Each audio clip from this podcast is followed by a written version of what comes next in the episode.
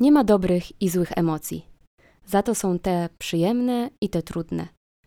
Każda emocja jest ok i jest zarazem swojego rodzaju papierkiem lakmusowym tego, co dzieje się w naszej głowie, w naszym ciele, w otoczeniu i w relacjach. W tym odcinku opowiem Ci, dlaczego praca i rozwój inteligencji emocjonalnej to najlepsza droga do tego, aby lepiej rozumieć i zarządzać swoimi emocjami. A zdobycie tych umiejętności ma już przełożenie na masę innych rzeczy. Nazywam się Joanna Toba-Pieńczak, a to jest podcast Slow Talks, krótkie opowieści pomagające w samopoznaniu i w rozwoju samoświadomości. W 1990 roku dwoje amerykańskich psychologów, Peter Salaway i John Mayer, ogłosiło światu, że każdy z nas ma dwa mózgi. Jeden z nich odpowiedzialny jest za nasze racjonalne działania i inteligencję, a jego jakość wyrażana jest w IQ i nazywamy to inteligencją racjonalną. Myślę, że o IQ każdy z Was zapewne kiedyś słyszał. Drugi mózg natomiast czuje i kieruje emocjami, i odpowiednikiem IQ w tym wypadku jest EQ, czyli inteligencja emocjonalna. I taki Daniel Goleman, autor książki Inteligencja emocjonalna, mówi o tym, że aby odnieść sukces, potrzebny jest miks właśnie tych dwóch inteligencji, a samo wysokie IQ wcale nie gwarantuje powodzenia w życiu. No i wyobraźcie sobie, że potwierdziły to nawet badania, badania psychologiczne, które polegały na prześledzeniu karier absolwentów Harvarda i okazało się, że na czele znaczących firm stoją absolwenci, uwaga, z przeciętnym poziomem IQ. W innych badaniach natomiast sprawdzono, jakie umiejętności mają liderzy w ponad 200 amerykańskich korporacjach i jedną z top umiejętności była właśnie sztuka zarządzania emocjami. Nie tylko swoimi, ale także innych osób. I w sumie, gdyby się tak chwilę nad tym zastanowić, to jak dla mnie nie ma tutaj nic zaskakującego, bo po pierwsze, umiejętność zarządzania emocjami pomaga w opanowaniu stresu i trudnych emocji, ale także chroni przed takim zbytnim popadaniem w skrajności, czyli na przykład w taki nadmierny entuzjazm, który może prowadzić nas do podejmowania dziwnych decyzji, nieopartych na przykład o dane. Za to właśnie dobrze, kiedy towarzyszy nam również inteligencja racjonalna, bo ona pomaga w tej kalkulacji, w planowaniu, analizowaniu danych, łączeniu faktów, łączeniu kropek, no i po prostu to przyczynia się do rozwiązywania problemów, które mogą przerastać innych, którzy na chłodno nie potrafią sobie z tym poradzić. Dlatego tak sobie myślę, że ta mieszanka tych dwóch inteligencji wydaje się być połączeniem doskonałym. I to, co ja kiedyś sobie wzięłam do serca, to właśnie jest taka myśl, żeby nie inwestować tylko i wyłącznie w tą inteligencję racjonalną, w to zdobywanie wiedzy i umiejętności, ale skupić się również na tym, by pracować ze swoimi emocjami, by je lepiej rozumieć, by je umieć w ogóle rozpoznawać i by móc tak je oswoić, tak je okiełznać, aby one znacząco nie wpływały na to, w jaki sposób działamy. No i dobra, ta inteligencja emocjonalna sprowadza się do takiego świadomego korzystania z emocji. No i tutaj cały czas z tyłu głowy mam na myśli emocje swoje, emocje nasze, ale również emocje osób dookoła nas, te emocje płynące z świata zewnętrznego. I w tym wszystkim z mojego punktu widzenia chodzi o to, aby właśnie trafnie rozpoznać emocję płynącą z naszego wnętrza albo właśnie z tego świata poza nami, następnie zrozumieć tą emocję i na podstawie rozpoznania i zrozumienia podejmować decyzje i dalsze działania. Bo gdy prawidłowo odczytamy sygnał, który wysyłają do nas te emocje, zapewne zwiększymy szanse na rozwiązanie konfliktu, na efektywniejszą komunikację i ta komunikacja będzie dotyczyła tej komunikacji zarówno z nami samymi, jak i z osobami na zewnątrz. Łatwiej w dodatku będzie nam rozpoznać, czego właśnie my potrzebujemy, czego potrzebuje ktoś, kto jest obok nas i z czego może wynikać jakieś nasze zachowanie, które może być efektem skryptu, o którym mówiłam kilka odcinków temu, ale także może być nam łatwiej zrozumieć zachowanie tej drugiej osoby, a tym samym wyrażenie na przykład większego współczucia wobec niej. I od razu chciałabym zaznaczyć, że istnieje także prawdopodobieństwo, że wraz z tą większą świadomością emocjonalną pojawi się również taki wysoki koszt emocjonalny. O tym opowiem później, ale chciałabym, żebyście z tyłu głowy mieli, że jest bardzo dużo profitów, które przynosi świadomość swoich emocji, które wiążą się z pracą z tymi emocjami, ale potrzebna jest tutaj równowaga, jak ze wszystkim we wszechświecie, dlatego również wraz z tymi dobrymi rzeczami przychodzi coś takiego jak ten koszt emocjonalny. Ale zanim powiem Wam o tej trudniejszej stronie, to chciałabym najpierw opowiedzieć o takich siedmiu składowych inteligencji emocjonalnej, choć tak sobie myślę, że równie dobrze mogłabym wypisać pewnie i z 50 punktów. Jednak skupię się na tych siedmiu, które są dla mnie bardzo ważne i są taką podstawą do dalszego rozwoju. No i tak już jest, że jedni z nas mają domyślnie te umiejętności pracy z emocjami zaprogramowane w sobie, ale są też takie osoby, które potrzebują włożyć sporo wysiłku i sporo pracy, by nauczyć się tego wszystkiego. Jednak nie ulega wątpliwości, że warto, aby każdy z nas rozwijał to kawałek po kawałeczku przez całe swoje życie. No i na pierwszy ogień leci samoświadomość i uważność czyli zauważanie, rozpoznanie i rozumienie tego, co czuje się w danym momencie. I nie chodzi mi o to, by w każdym momencie być gotowym na te trzy etapy, bo przecież mm, czasami bywa tak, że ta autorefleksja przychodzi do nas po czasie. I to jest super, że ona po prostu przychodzi.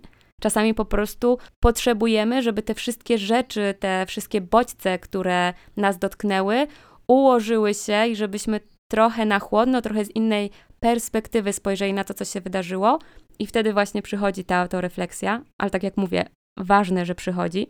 I chodzi o to, żeby w takich trudnych, kryzysowych sytuacjach mieć w sobie taką chęć, móc wyzwolić w sobie taki impuls do zauważenia tego, co dzieje się w naszym środku, zamiast impulsu do natychmiastowej reakcji, czyli na przykład wybuchu złości albo ucieczki.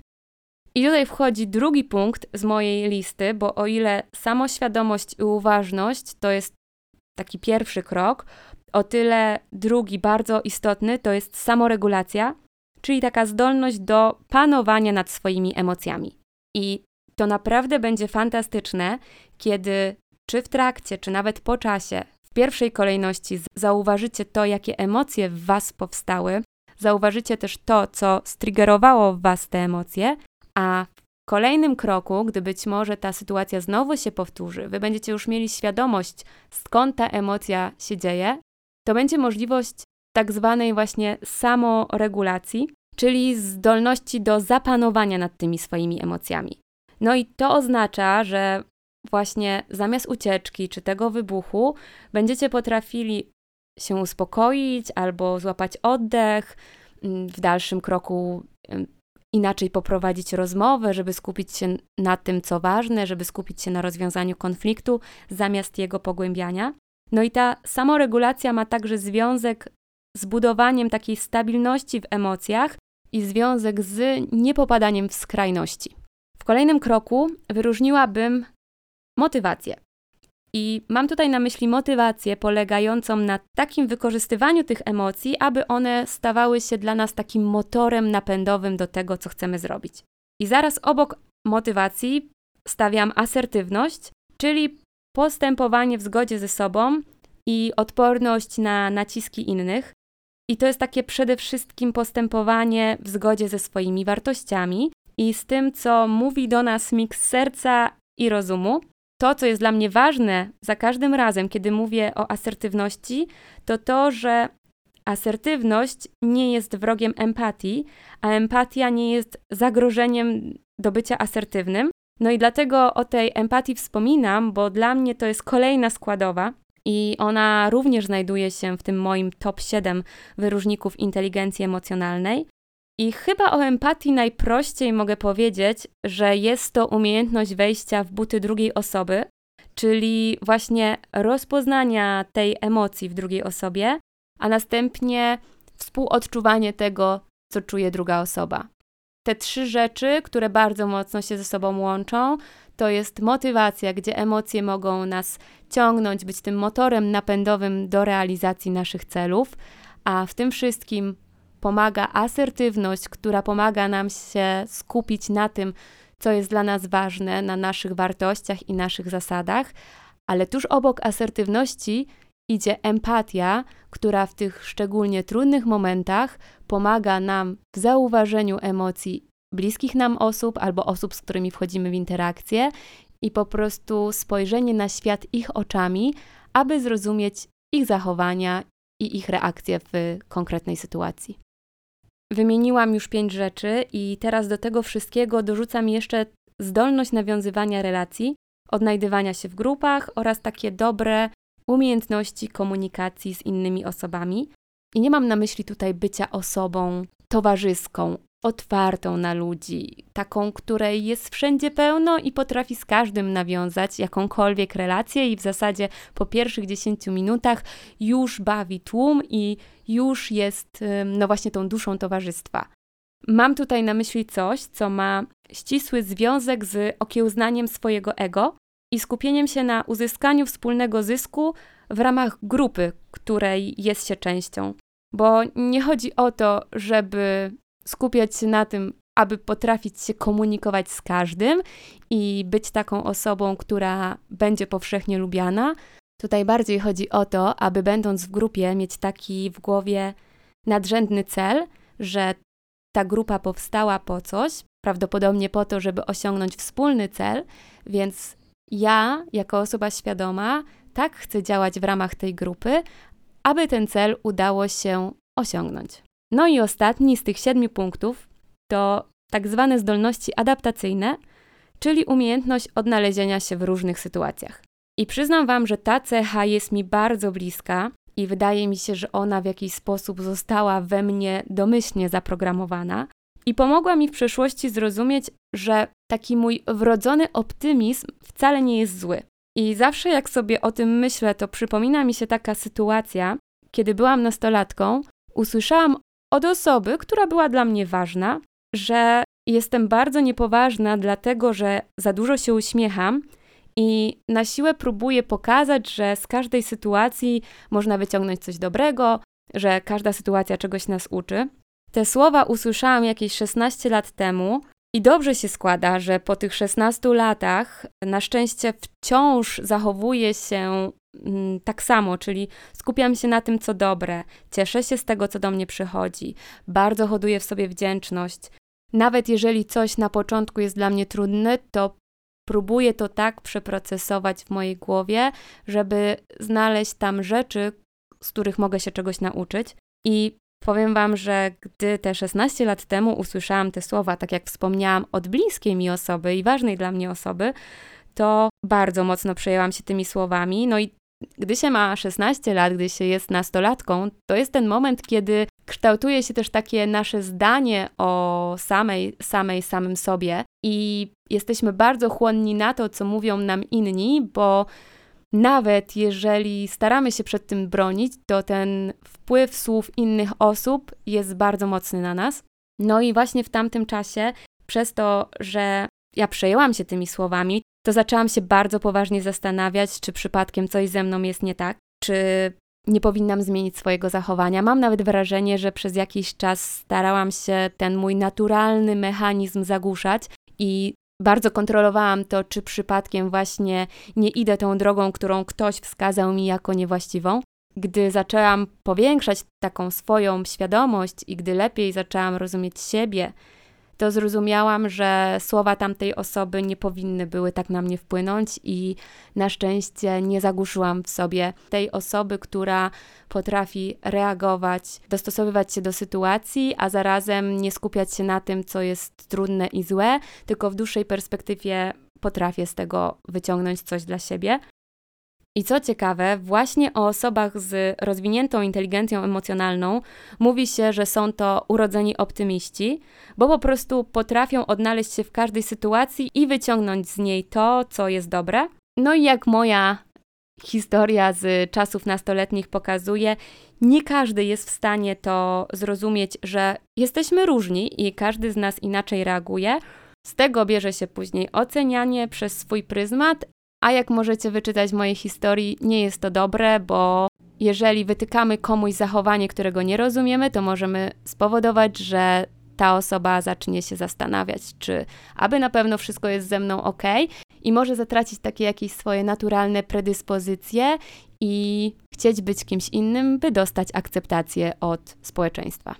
No ale dobra, trochę, trochę zboczyłam z tematu inteligencji emocjonalnej, a trochę nie, ale wracając, wymieniłam te siedem moim zdaniem najważniejszych składowych i teraz nasuwa się pytanie, jak w takim razie rozwijać tę inteligencję emocjonalną? I po pierwsze, przede wszystkim warto zacząć od obserwacji siebie i rozmowy ze sobą. W takich codziennych sytuacjach może mieć to miejsce i można sobie zadawać pytania, na przykład co czuję, jakie emocje mi towarzyszą, jak reaguje moje ciało i dlaczego ono tak reaguje, co moje ciało chce mi powiedzieć, skąd u mnie taka, a nie inna emocja. Bo dzięki zadawaniu sobie takich pytań możesz zrozumieć albo na początku w ogóle zauważyć, jakie emocje komunikuje ci Twoje ciało i jakie wydarzenia, jakie słowa wyzwalają w Tobie określone emocje. Innym sposobem, który ja bardzo polecam, jest zapisywanie swoich emocji. Sama praktykuję to niemal codziennie, każdego ranka. Mam wrażenie, że od blisko dwóch lat. I w moim przypadku polega to na tym, że po obudzeniu zazwyczaj chwytam po mój specjalny notes i Piszę o tym, co czułam dzień wcześniej i o tym, z jakimi emocjami się obudziłam. I dzięki temu mogę spojrzeć na wydarzenia z dnia poprzedniego z dystansem i z innej perspektywy, zrozumieć, z jaką motywacją wchodzę w nowy dzień, właśnie jakie emocje mi towarzyszą, co zaraz po przebudzeniu w jakiś sposób y, zatruwa moją głowę i bardzo często udaje mi się znaleźć rozwiązanie na to, żeby jednak nie pozwolić, żeby to zatruło mój cały dzień. I ja widzę, jak to zapisywanie emocji, wyrzucanie ich z siebie robi u mnie dobrą robotę. Kiedyś wydawało mi się, że wystarczy, że porozmawiam ze sobą w swojej głowie, ale jednak słowa wypowiedziane chociażby na piśmie brzmią inaczej niż myśli, które luźno przelatują w głowie. Za to wyższą szkołą jazdy jest już takie nazywanie swoich emocji wprost podczas rozmowy z drugą osobą, a szczególnie jest to wyższa szkoła jazdy, gdy ta rozmowa jest trudna. Jednak ja bardzo mocno polecam, żeby podczas konfliktów, podczas tych trudnych rozmów mówić o tym, co się czuje i nazywać te emocje, które towarzyszą, bo to może pomóc w lepszym zrozumieniu siebie nawzajem i w taki sposób przepracowaniu tego konfliktu, że uda się zmienić sposób komunikacji albo uda się wypracować takie rozwiązanie, które pomoże w tym, aby w przyszłości tych trudnych emocji było mniej. No i teraz tak, wspomniałam w pewnym momencie o czymś takim jak ten emocjonalny koszt, i na koniec parę słów o tym chciałabym opowiedzieć. I zacznę od tego, że nie da się ukryć, że ta świadomość, uważność, samoregulacja wiążą się z ogromnym wysiłkiem, bo możecie sobie wyobrazić, że jesteście wtedy na takim stand-by'u, że zarazem bierzecie udział w jakimś wydarzeniu, ale jednocześnie jesteście również obserwatorem tego wydarzenia.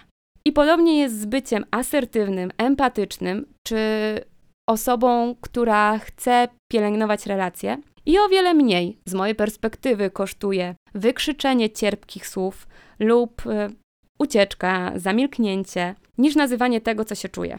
Dlatego właśnie warto mieć świadomość, że ta inteligencja emocjonalna pociąga za sobą ten spory koszt emocjonalny. I warto również zadbać o siebie i po takich trudnych, emocjonalnych wydarzeniach dać sobie czas na, nie wiem, odpoczynek, znaleźć sposoby na regenerację głowy i też znaleźć dla siebie sposób na zwentylowanie tych emocji, bo znowu nie chodzi o to, żeby podczas rozmowy, podczas konfliktu być jednocześnie uczestnikiem, ale i obserwatorem, ale zarazem chować w sobie emocje. Chodzi o to, żeby dać sobie przestrzeń, żeby te emocje, które są naprawdę w nas, wypłynęły, a jeżeli czujemy, że wciąż nie zwentylowaliśmy się, nie wypuściliśmy z siebie tych emocji, to spróbować znaleźć dla siebie taki sposób. W moim przypadku jest to na przykład sport, pływanie, bieganie, ćwiczenie na siłowni i wtedy widzę, jak dodatkowo przepracowuję sobie emocje i jak troszczę się o moją głowę, żeby właśnie dać sobie tą szansę na zwentylowanie tego, co jeszcze we mnie siedzi. I już tradycyjnie na zakończenie tego odcinka mam dla Ciebie zadanie. Chciałabym, żebyś przypomniał, przypomniała sobie sytuację z ostatniego czasu, która była dla Ciebie trudna i zostawiła po sobie ślad na dłużej. Być może była to jakaś sprzeczka, albo niemiła sytuacja w sklepie, może sytuacja w pracy, albo jakiś taki wewnętrzny wkurw na samą samego siebie. I jak już masz w głowie tą sytuację, jak już o niej myślisz, to spróbuj sobie odpowiedzieć na następujące pytania. Te pytania tradycyjnie będą w opisie odcinka i one brzmią: Co czułam, czułem w tamtym momencie? I tutaj spróbuj po prostu nazwać te emocje w stylu czułem złość, czułam wkurwienie, bezradność, a może lęk. Drugie pytanie brzmi: Co czułam, czułem w ciele? I tym razem spróbuj przypomnieć sobie to, co pojawiło się jakby na zewnątrz ciebie. Może zaciskałaś mocno pięści, albo wiesz, że w trudnych sytuacjach bardzo mocno marszczysz czoło, lub może twoja postawa ciała zaczyna być taką zamkniętą, zgarbioną postawą, albo gotową do ucieczki. I tak zdaję sobie sprawę, że to nie jest proste przypomnieć sobie od tak te wszystkie rzeczy, ale jak wspominałam w poprzednim odcinku, ciało pamięta. Co oznacza, że być może, kiedy wracasz myślami do tamtej sytuacji, to właśnie w tym momencie przyjmujesz dokładnie taką samą postawę jak wtedy. Po prostu daj sobie chwilę, żeby poobserwować, jak Twoje ciało reaguje. Następne pytanie brzmi: jak te emocje wpłynęły na rozwiązanie problemu? I tutaj mogą być różne drogi, na przykład nie pomogły, bo krzyczałam, albo zaniżyły moją samoocenę, bo nie zareagowałam. A może było tak, że dzięki temu, że się uspokoiłaś, to udało się porozmawiać i wypracowaliście sobie rozwiązanie tej trudnej sytuacji. I ostatnie pytanie: jak następnym razem chcę zachować się w podobnej sytuacji? Jeżeli chcesz coś zmienić, no to warto sobie głośno to powiedzieć, jakby budować swój nowy skrypt, swój nowy sposób działania. Czyli jeżeli okazało się, że w tej trudnej sytuacji zaczęłaś krzyczeć, to jeżeli chcesz coś zmienić, to właśnie bardzo fajnie powiedzieć sobie następnym razem w takiej trudnej sytuacji nie chcę podnosić głosu i zastanowić się zarazem, co innego zrobisz. Daj sobie kilka minut na spokojne znalezienie odpowiedzi i przeanalizowanie ich. I może jest szansa, że to będzie jakiś początek Twojego, nie wiem, dziennika emocji, bo zachęcam, żeby te odpowiedzi na te pytania sobie spisać, bo wtedy będzie można wrócić do nich za jakiś czas i zobaczyć, co się zmieniło. To był jedenasty odcinek podcastu Slow Talks. Zapraszam również na mój Instagram, na którym pokazuję życie na Bali i podróże w głąb siebie. Do usłyszenia w kolejnym odcinku.